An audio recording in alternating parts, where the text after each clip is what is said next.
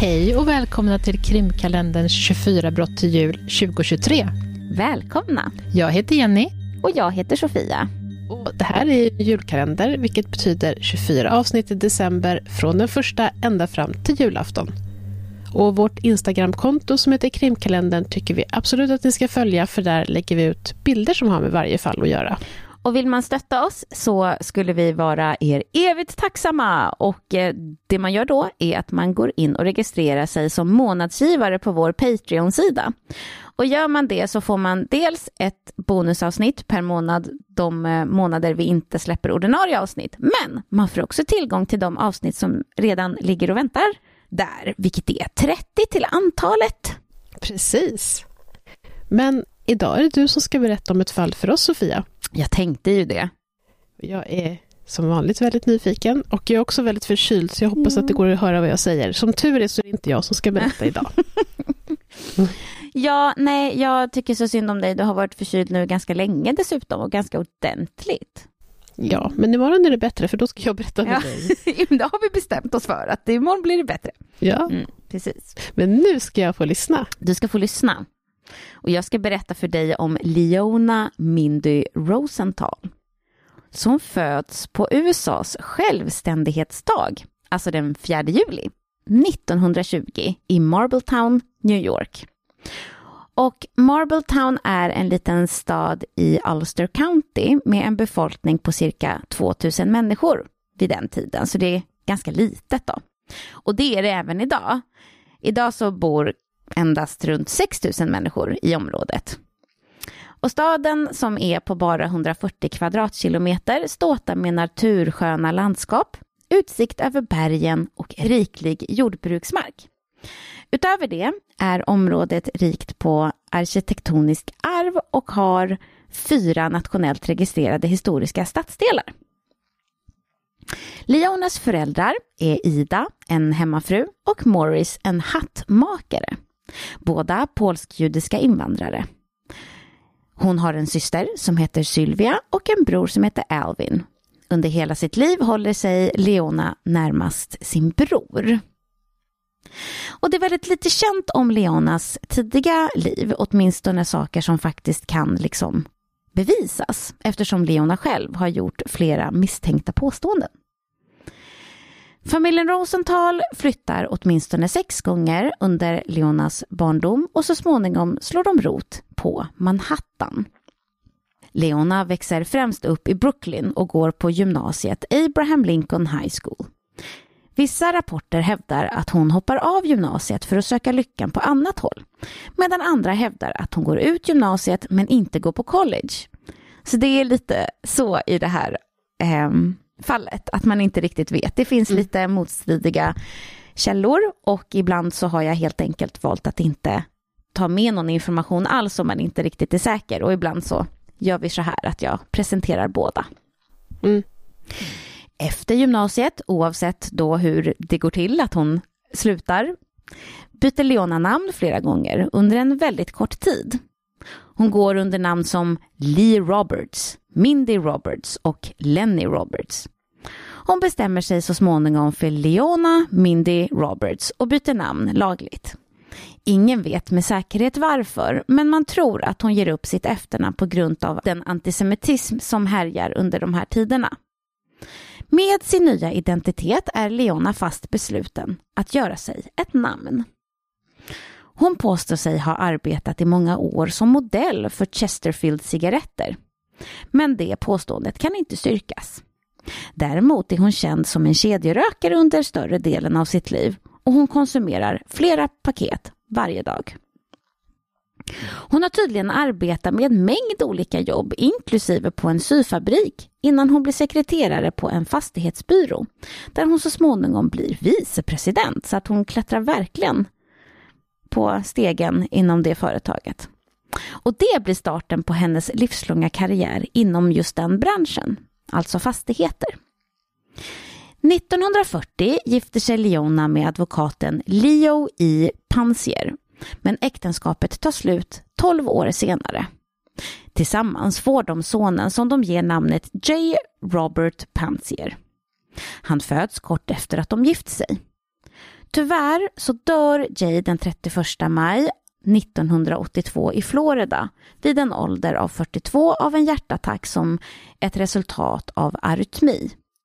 Han lämnar då efter sig sin tredje fru Mimi och fyra barn, Craig, Megan, David och Walter.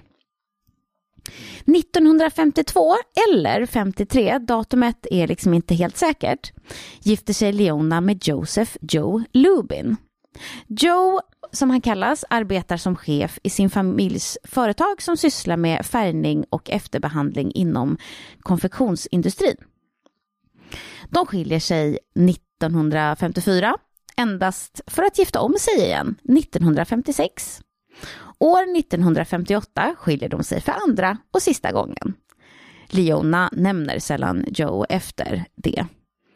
Medan Leona arbetar som bostadsrättsmäklare 1968 träffar hon och börjar ha en affär med den gifta fastighetsentreprenören Harry Helmsley. Och som med det mesta i Leonas liv så finns det två sidor även av den historien. Berättelsen, enligt de som var där, är att hon träffar Harry på den årliga middagen från Realty Foundation i New York. Det var vid denna middag som Leona enligt uppgift ber andra mäklare att peka ut Harry åt henne. Efter att ha fått reda på vem det är som är Harry, citat, går hon raka vägen till honom. Harry, vars passion näst efter fastigheter är att dansa, deltar i evenemanget ensam det här året. Hans fru Eve är pensionerad och föredrar att stanna hemma, så Harry skannar rummet efter en danspartner när Leona dyker upp vid hans sida och inom några minuter valsar de graciöst över dansgolvet. Och de fortsätter dansa hela kvällen.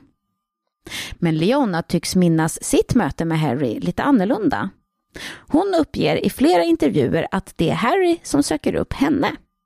Han har upptäckt att hon har gjort sexsiffriga provisioner som mäklare och vill att hon ska fortsätta göra det, men arbetandes för honom. Först tackar hon nej till hans erbjudande och säger att han inte har råd med henne. Men hon ger till sist med sig och tackar ja till ett avtal som går ut på att hon ska få 500 000 dollar i årslön. Men de som känner henne under den här tiden säger att det inte finns en chans att hon tjänar mer än 75 000 dollar max. Vilket ju är en liten skillnad mellan 500 000 och 75 000. Verkligen. Och utöver det säger kollegor att hon först bara anställs som mäklare och avdelningen hon arbetar i har absolut inte råd att betala Leona en halv miljon dollar i årslön. Så enligt det så måste hon alltså ha ljugit och utgår man ifrån det så kanske den första versionen är lite mer trolig. Att det är alltså hon som söker upp Harry. Mm. Det spekuleras i att det kan vara så att Leona skapar sin egen version av sanningen här i ett försök att avfärda alla som vill stämpla henne som en familjeförstörande guldgrävare. Hur det egentligen går till vet vi inte. Kanske är det ju liksom, som ofta annars, en kombination av båda versionerna. 1971 flyttar Leona in i en takvåning i The Gallery House. Här börjar hon och Harry träffas regelbundet. De äter ofta vid ett bakre bord på en fransk restaurang lite längre ner på gatan.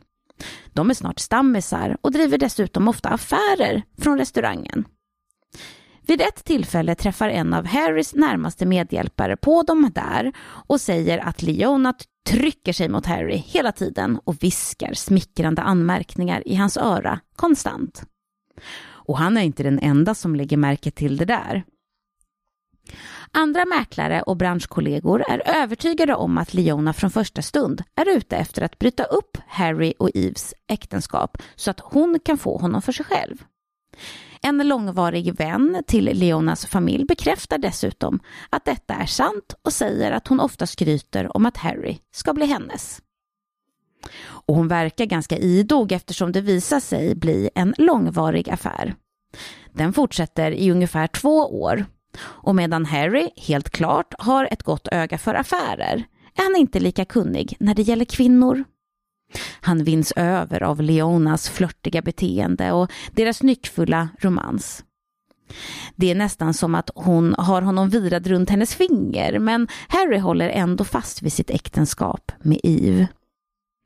Under öppningen av Manhattans nyaste lyxhotell, Park Lane Hotel, 1971 har Harry Eve vid sin sida för att officiellt öppna dörrarna för allmänheten. De flyttar till och med in i hotellets etagetakvåning. Ett lyxigt boende för ett annars sparsamt par som oftast investerar i Harrys affärsliv och inte i sig själva. Det verkar som att de ser detta som liksom en belöning för allt deras hårda arbete och dessutom närmar de sig båda pensionsåldern och känner kanske att de behöver lyxa till sitt liv lite. Leona däremot tänker minsann inte fortsätta vara på andra plats i Harrys liv. Hon har en plan att göra honom till hennes för gott. Och det fungerar.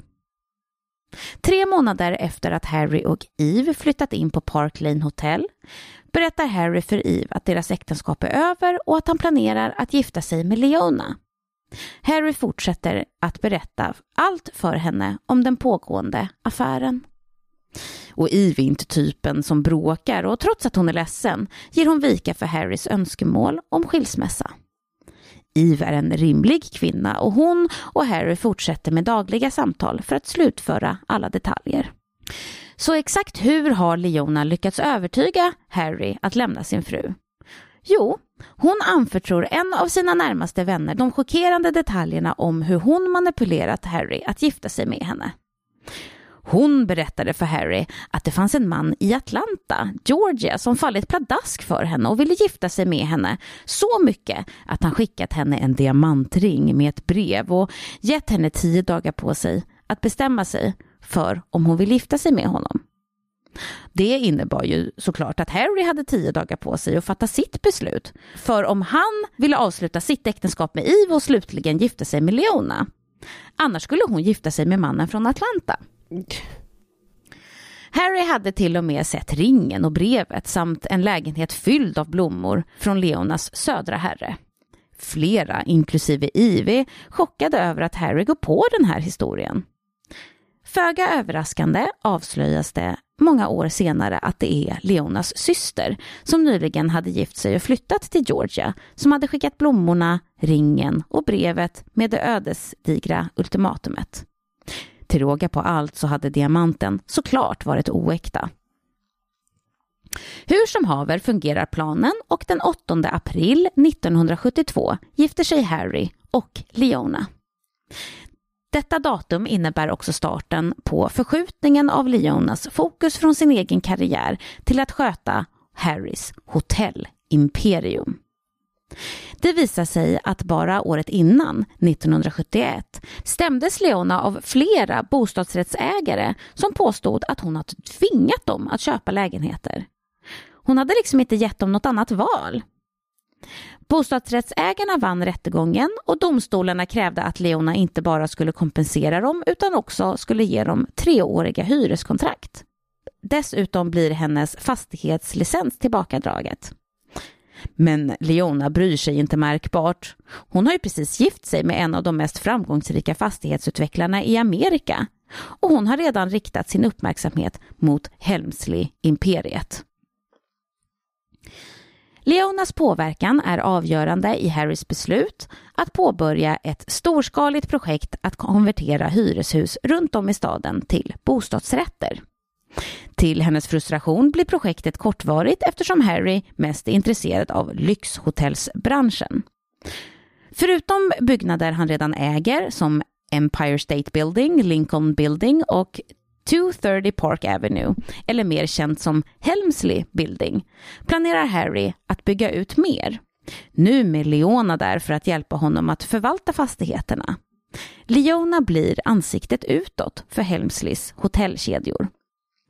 Några av de mer populära hotellen inkluderar Park Lane som ursprungligen öppnades med Harrys första fru Eve, New York Helmsley Hotel, Windsor Hotel och det mest populära, tillika Leonas favorit, Helmsley Palace Hotel. Det är i det hotellet där epiteten Queen of Mean enligt uppgift tar fart. På svenska typ elaka drottningen. Jag vet inte hur jag ska... Queen of Mean, alltså drottningen av elakhet skulle, är det väl mer. Liksom. Ja. Elakhetens drottning typ, inte den elaka drottningen. Nej. Men någonting liknande. Leona deltar i en reklamkampanj där han porträtterar sig själv som drottningen av palatset The Helmsley Palace Hotel. Annonserna publiceras i Time Magazine och på 1980-talet så blir de en symbol för lovprisande av rikedom. Och här är en av annonserna. Det är en bild av Leona som håller upp ett stort badlakan och rubriken lyder I won't settle for skimpy towels, why should you? Alltså, jag nöjer mig inte med små handdukar, varför skulle man? Ungefär. Man kan ju heller inte klara sig utan en telefon i badet. Hon blir känd som en drottning som bara vill det bästa för gästerna på sina hotell. Och det fungerar eftersom bokningarna ökar avsevärt och Leona blir ett känt namn. Men bakom kulisserna behandlar hon sina medmänniskor precis tvärtom. Enligt hennes närstående kommer sig smeknamnet, eller kanske öknamnet, Queen of Mean på grund av hennes tyranniska och förolämpande beteende mot sina anställda, familjemedlemmar och även hennes vänner. Leona är en skicklig affärskvinna och som par är hon och Harry väldigt mäktiga inom fastighetsutvecklingsbranschen. Men medan Harry är mycket mer förnuftig och lugn, eller det är så han förklaras i alla fall, är Leona känd för sina kränkande upptåg. Ett exempel på detta inträffar när Leona äter middag med den ökända advokaten Alan Dershowitz. Om ni inte känner till honom så är han en av de mest högprofilerade försvarsadvokaterna för personer som Patty Hearst och O.J. Simpson. Mm, det var därför jag kände igen namnet. Ja, och just Patty Hearst kan ni höra mer om i avsnittet Stockholm i mitt hjärta, som är avsnitt 6 från vår allra första säsong av 24 brott till jul. Och det är ju då Jenny som berättar om Patty Hearst. Just det, det är det. Mm. Mer nyligen så har Alan representerat Harvey Weinstein och Jeffrey Epstein. Hur som helst, under Leonas och Alans måltid serveras det en kopp te där lite av koppens innehåll typ läckt ut lite på fatet. Mm. Du vet ungefär precis den mängd som kan skvimpa över kanten ja. på koppen när man går med den helt enkelt. Ja. Och när den placeras framför Leona så blir hon så arg att hon kastar koppen i golvet och säger till servitören att be henne att inte sparka honom för att han har varit så slarvig.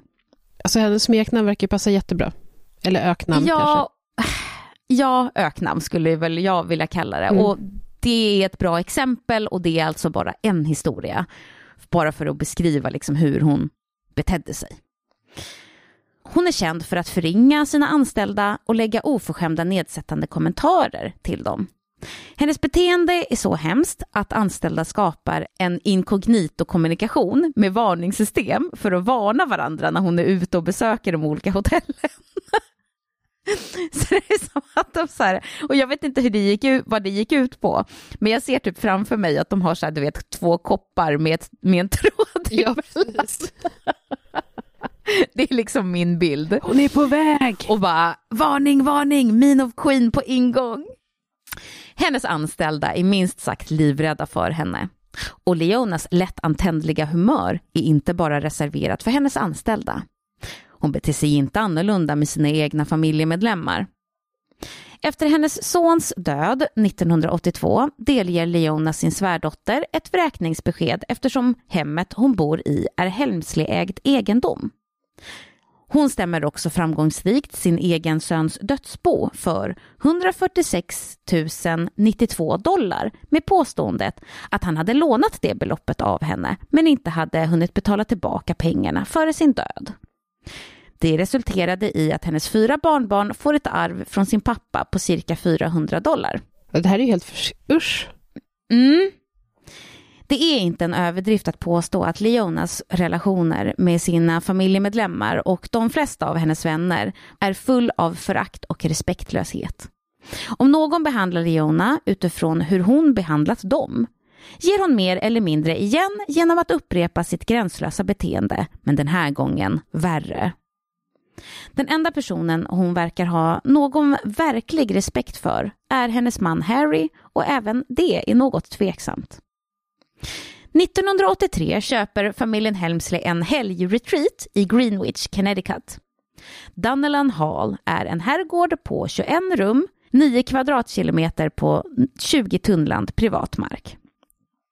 Köpeskillingen ligger på 11 miljoner dollar. Även om fastigheten är oklanderlig vill familjen Helmsley göra det ännu lyxigare. De lägger till ett dansgolv i marmor för miljoner dollar, en silverklocka, ett mahognykortbord, en inhägd pool, ett 130 000 dollars ljudsystem, liksom många, många andra uppgraderingar både inom byggnaden och landskapsarkitektur. Själva renoveringskostnaden uppgår till 8 miljoner dollar och det är alltså utöver de 11 miljoner som herrgården kostade. Med det i åtanke är det ju bra småaktigt att hon inte kunde låta sin bortgångne son komma undan med att inte betala tillbaka ett lån till henne. Nu är det dock inte bara hennes son som utsätts för Helmsleys något snåla inställning. De är kända för att tvista om pengar överallt, inklusive över fakturor och betalningar till både entreprenörer och leverantörer.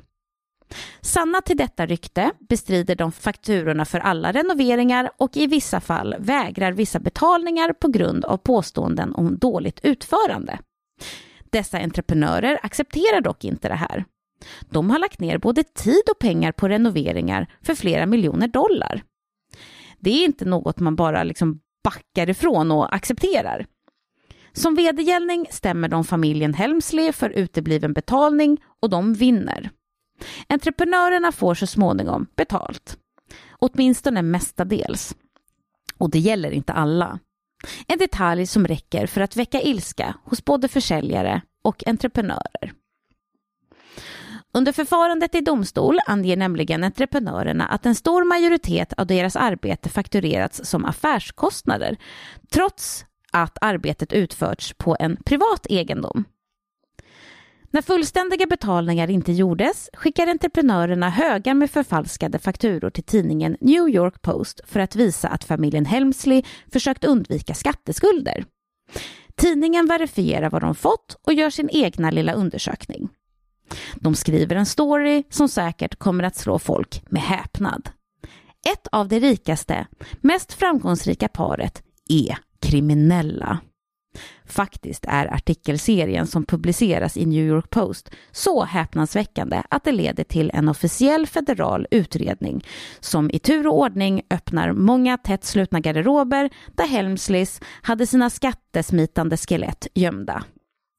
Det visar sig att trots att de har en sammanlagd nettoförmögenhet på över en miljard dollar och att de betalar mer än 50 miljoner dollar per år i skatt på inkomsten av deras väldiga egendom försöker familjen Helmsley fortfarande undvika att betala skatt på personliga föremål. Brottsutredningen avslöjar att Leona krävt att deras verkställande direktör undertecknar fakturor för personliga utgifter så att de faktureras via företaget. Och om han vägrat blev Leona såklart rasande och skrek och gormade på honom, hotade att säga upp honom från sitt jobb och se till att han ruinerades. Så han hade liksom inte så mycket val. Ett exempel på vad som så småningom fastställdes vara skatteflykt är följande.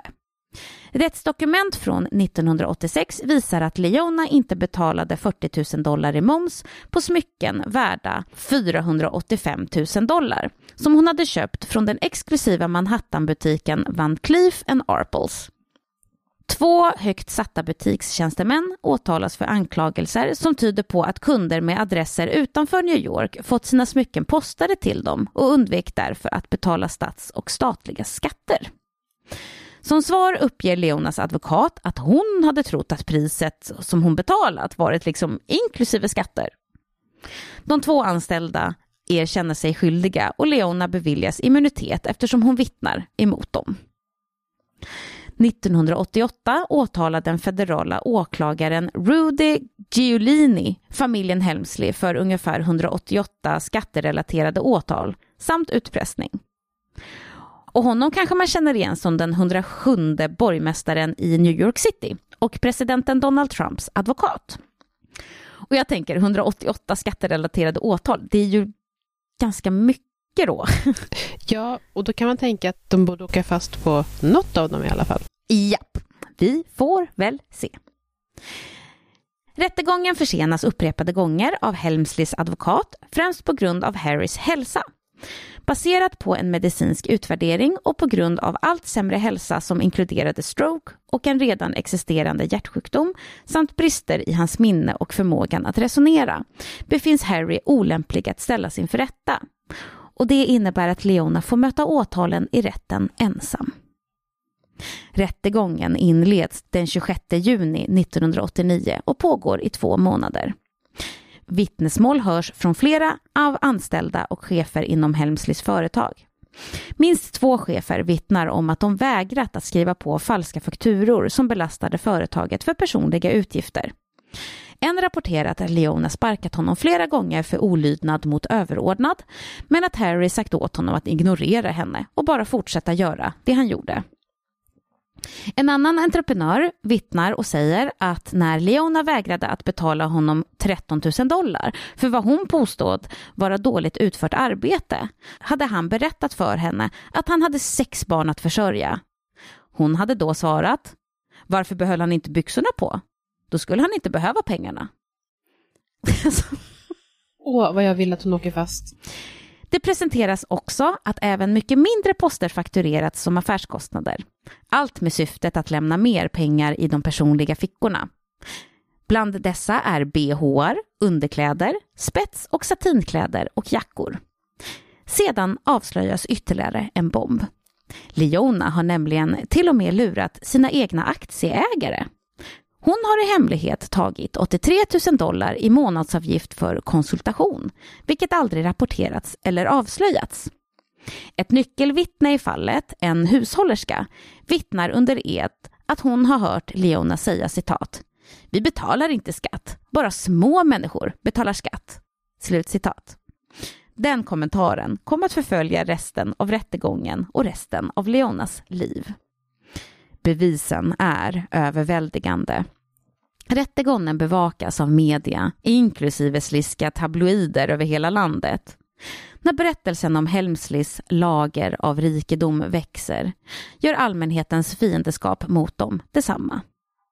Leonas advokat Gerald A. Pfeffer, å andra sidan, berättar för jurymedlemmarna att hans 69-åriga klient kan vara aggressiv och oförskämd. Men citat, jag tror inte Mrs Helmsley anklagas i åtalet för att vara en bitch. Slut citat. Och han säger alltså det, han säger bitch på engelska. Han uppmanar juryn att inte hålla hennes personlighet emot henne. Den 20 augusti 1989 överväger juryn och Leona befinns skyldig till åtalen. Efter att domen lästs upp ber Leona domstolen om nåd. Dock är det nu lite för sent. Under utdömandet uppger domare John M. Walker att Leona hade motiverats av ren och skär girighet. Hon döms ursprungligen till 16 års fängelse och böter på 7,1 miljoner dollar för skattebedrägeri. Krav på att betala tillbaka 1,7 miljoner dollar i federala och statliga skatter och för att genomföra 750 timmars samhällstjänst.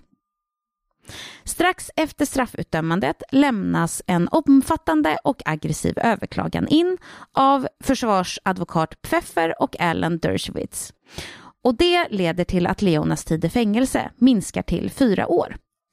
En ganska ordentlig minskning från 16 till 4. Ja, verkligen. En fjärdedel av den ursprungliga domen. En ganska maffig minskning, absolut, men för någon som Leona är det inte nog. Hon vill bli helt frikänd. Med en ironisk känsla för poetisk rättvisa påbörjar till sist Leona sitt fängelsestraff den 15 april 1992, dagen för då inkomstskatten ska betalas. I slutändan avtjänar Leona bara 19 månader på en federal kriminalvårdsanstalt med låg säkerhet i Dansbury, Connecticut samt två månader i husarrest. Hon släpps den 26 januari 1994. Leona tillbringar de kommande tre åren med att ta hand om sin man och sköta hotellverksamheten. Oavsett om det är äkta ånger eller ett försök att återbygga sin image så blir Leona faktiskt mer välgörande efter att hon släpps från fängelset. Hon donerar pengar på 1990-talet för att hjälpa till med återuppbyggnaden av sydstatskyrkor som hade varit offren för mordbrand. Hon är också känd för att ha gett pengar till brandmäns familjer efter 9-11. Hon skickar bidrag på totalt 25 miljoner dollar till sjukhuset New York Presbyterian Hospital och 5 miljoner dollar till hjälpinsatsen efter orkanen Katrina. Byggnader i New York Medical University och Greenwich Hospital döps om i Helmsleys ära efter deras ekonomiska gåvor. Den 4 januari 1997 i ett sjukhus i Scottsdale, Arizona dör Leonas man Harry Helmsley av lunginflammation vid 87 års ålder. Först begravs han på kyrkogården Woodlawn Cemetery i Bronx, New York men flyttas senare in i ett mausoleum på Sleepy Hollow Cemetery i Winchester County. Han lämnar sin stora förmögenhet, värd över 5 miljarder dollar, till Leona. Efter sin mans död tillbringar Leona sina senare år av livet som enstörig. Hon avbryter kontakten med både familj och vänner och håller sig för sig själv. Lever i isolering med sin hund, en liten vit malteser vid namn Trouble. Men hennes juridiska problem har inte slutat bara för att hon har suttit av sitt fängelsestraff. Hon fortsätter att råka ut för stämningar. En av dem resulterade i en 1,5 miljoner dollars betalning till företagets ekonomichef medan Leona satt i fängelse. Den tidigare generaldirektören för Helmsleys Park Lane Hotel hade fått sparken 2001 på grund av att han är homosexuell och han tilldelas 11,2 miljoner dollar i skadestånd. Den 20 augusti 2007 dör Leona Helmsley av kronisk hjärtsvikt vid 87 års ålder. Hon somnar in i sitt sommarhem, Dunelon Hall. Efter en vecka på Frank E. Campbell Funeral Chapel läggs hon till vila intill sin man på Sleepy Hollow Cemetery. Mausoleet ligger på 3000 kvadratmeter och kostade 1,4 miljoner att bygga.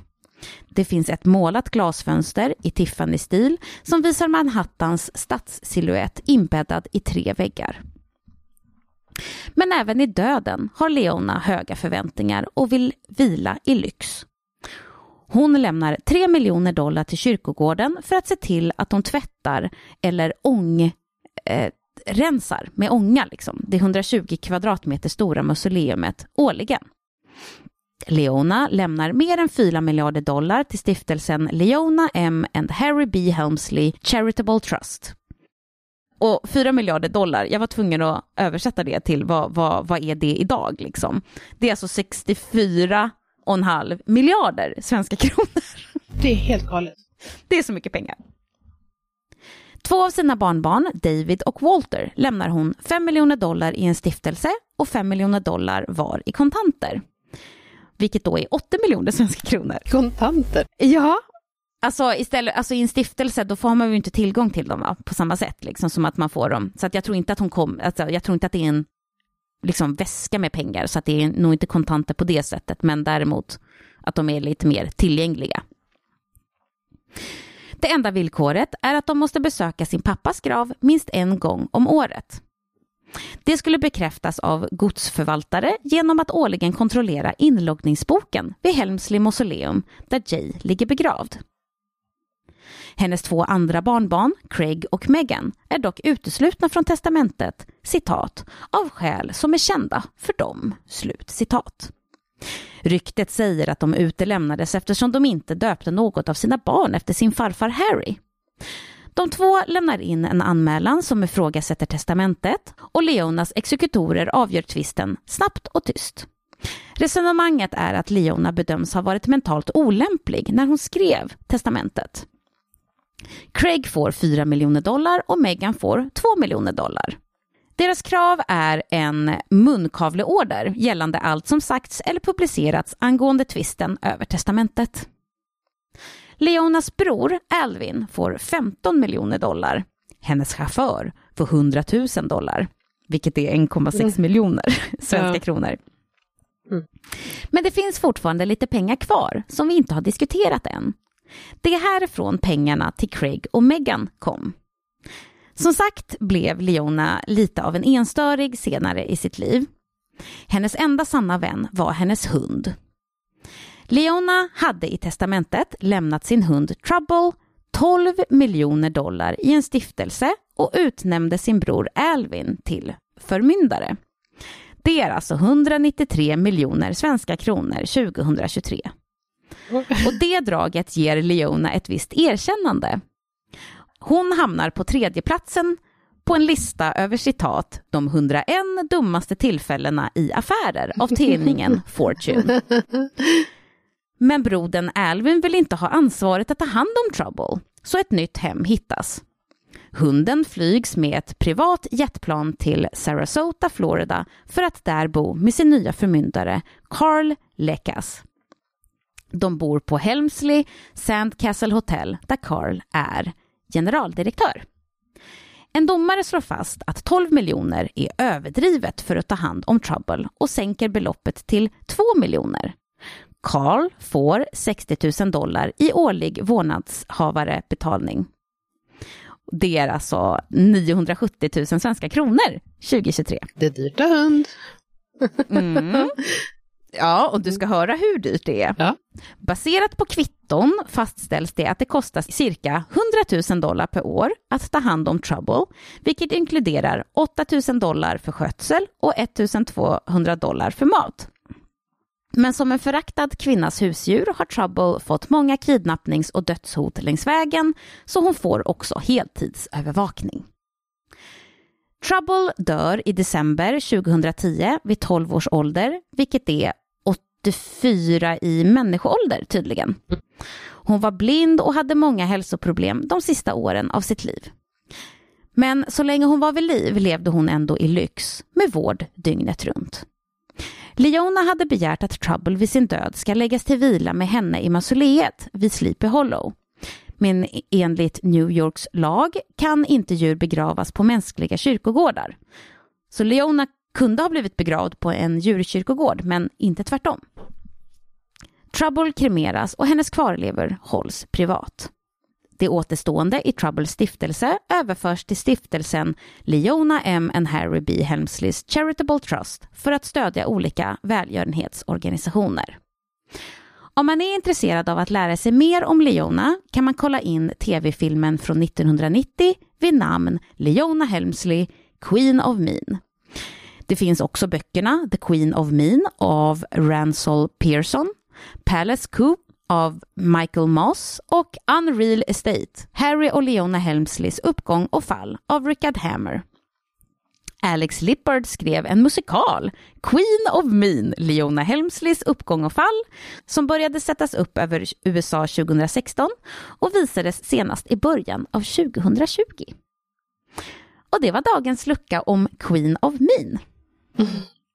Helt otroligt. Tack snälla Sofia. Ja, det var så lite. Usch vad jag tycker illa om henne.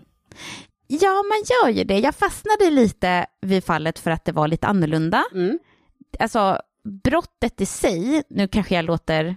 Alltså, det, det intresserar mig inte jättemycket Nej. egentligen i den här historien. Dels valde jag det då för att det var lite annorlunda. Vi tar inte ofta upp liksom skattebrott så. Nej. Men, men bara historien i sig och liksom, alltså jag har så svårt att förstå mig på eh, varför, alltså en människa som fu- funkar så Ja, och när hon och elak. stämde, sin, stämde sina barnbarn på sin brors, eller på sin sons arv.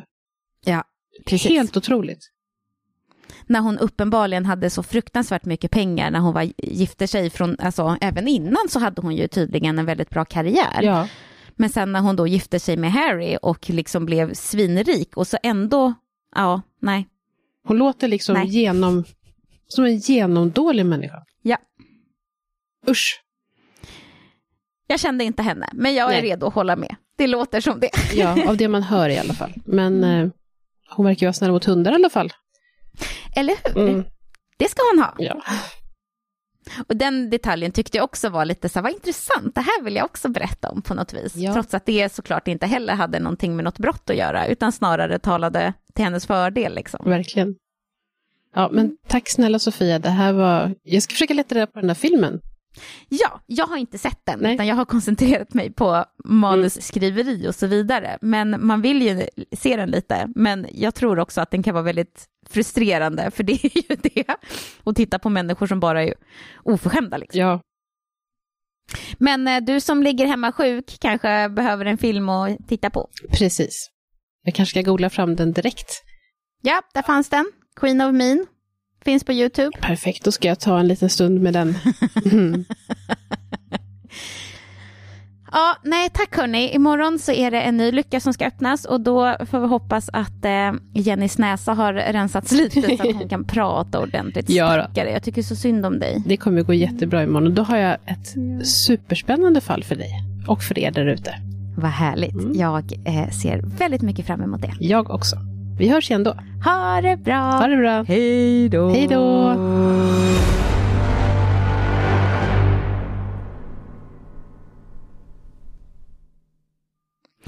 1983 köper familjen Helmsley en hel... Aha. Jag bara helgretriat. Jag bara, aha, helgretreat.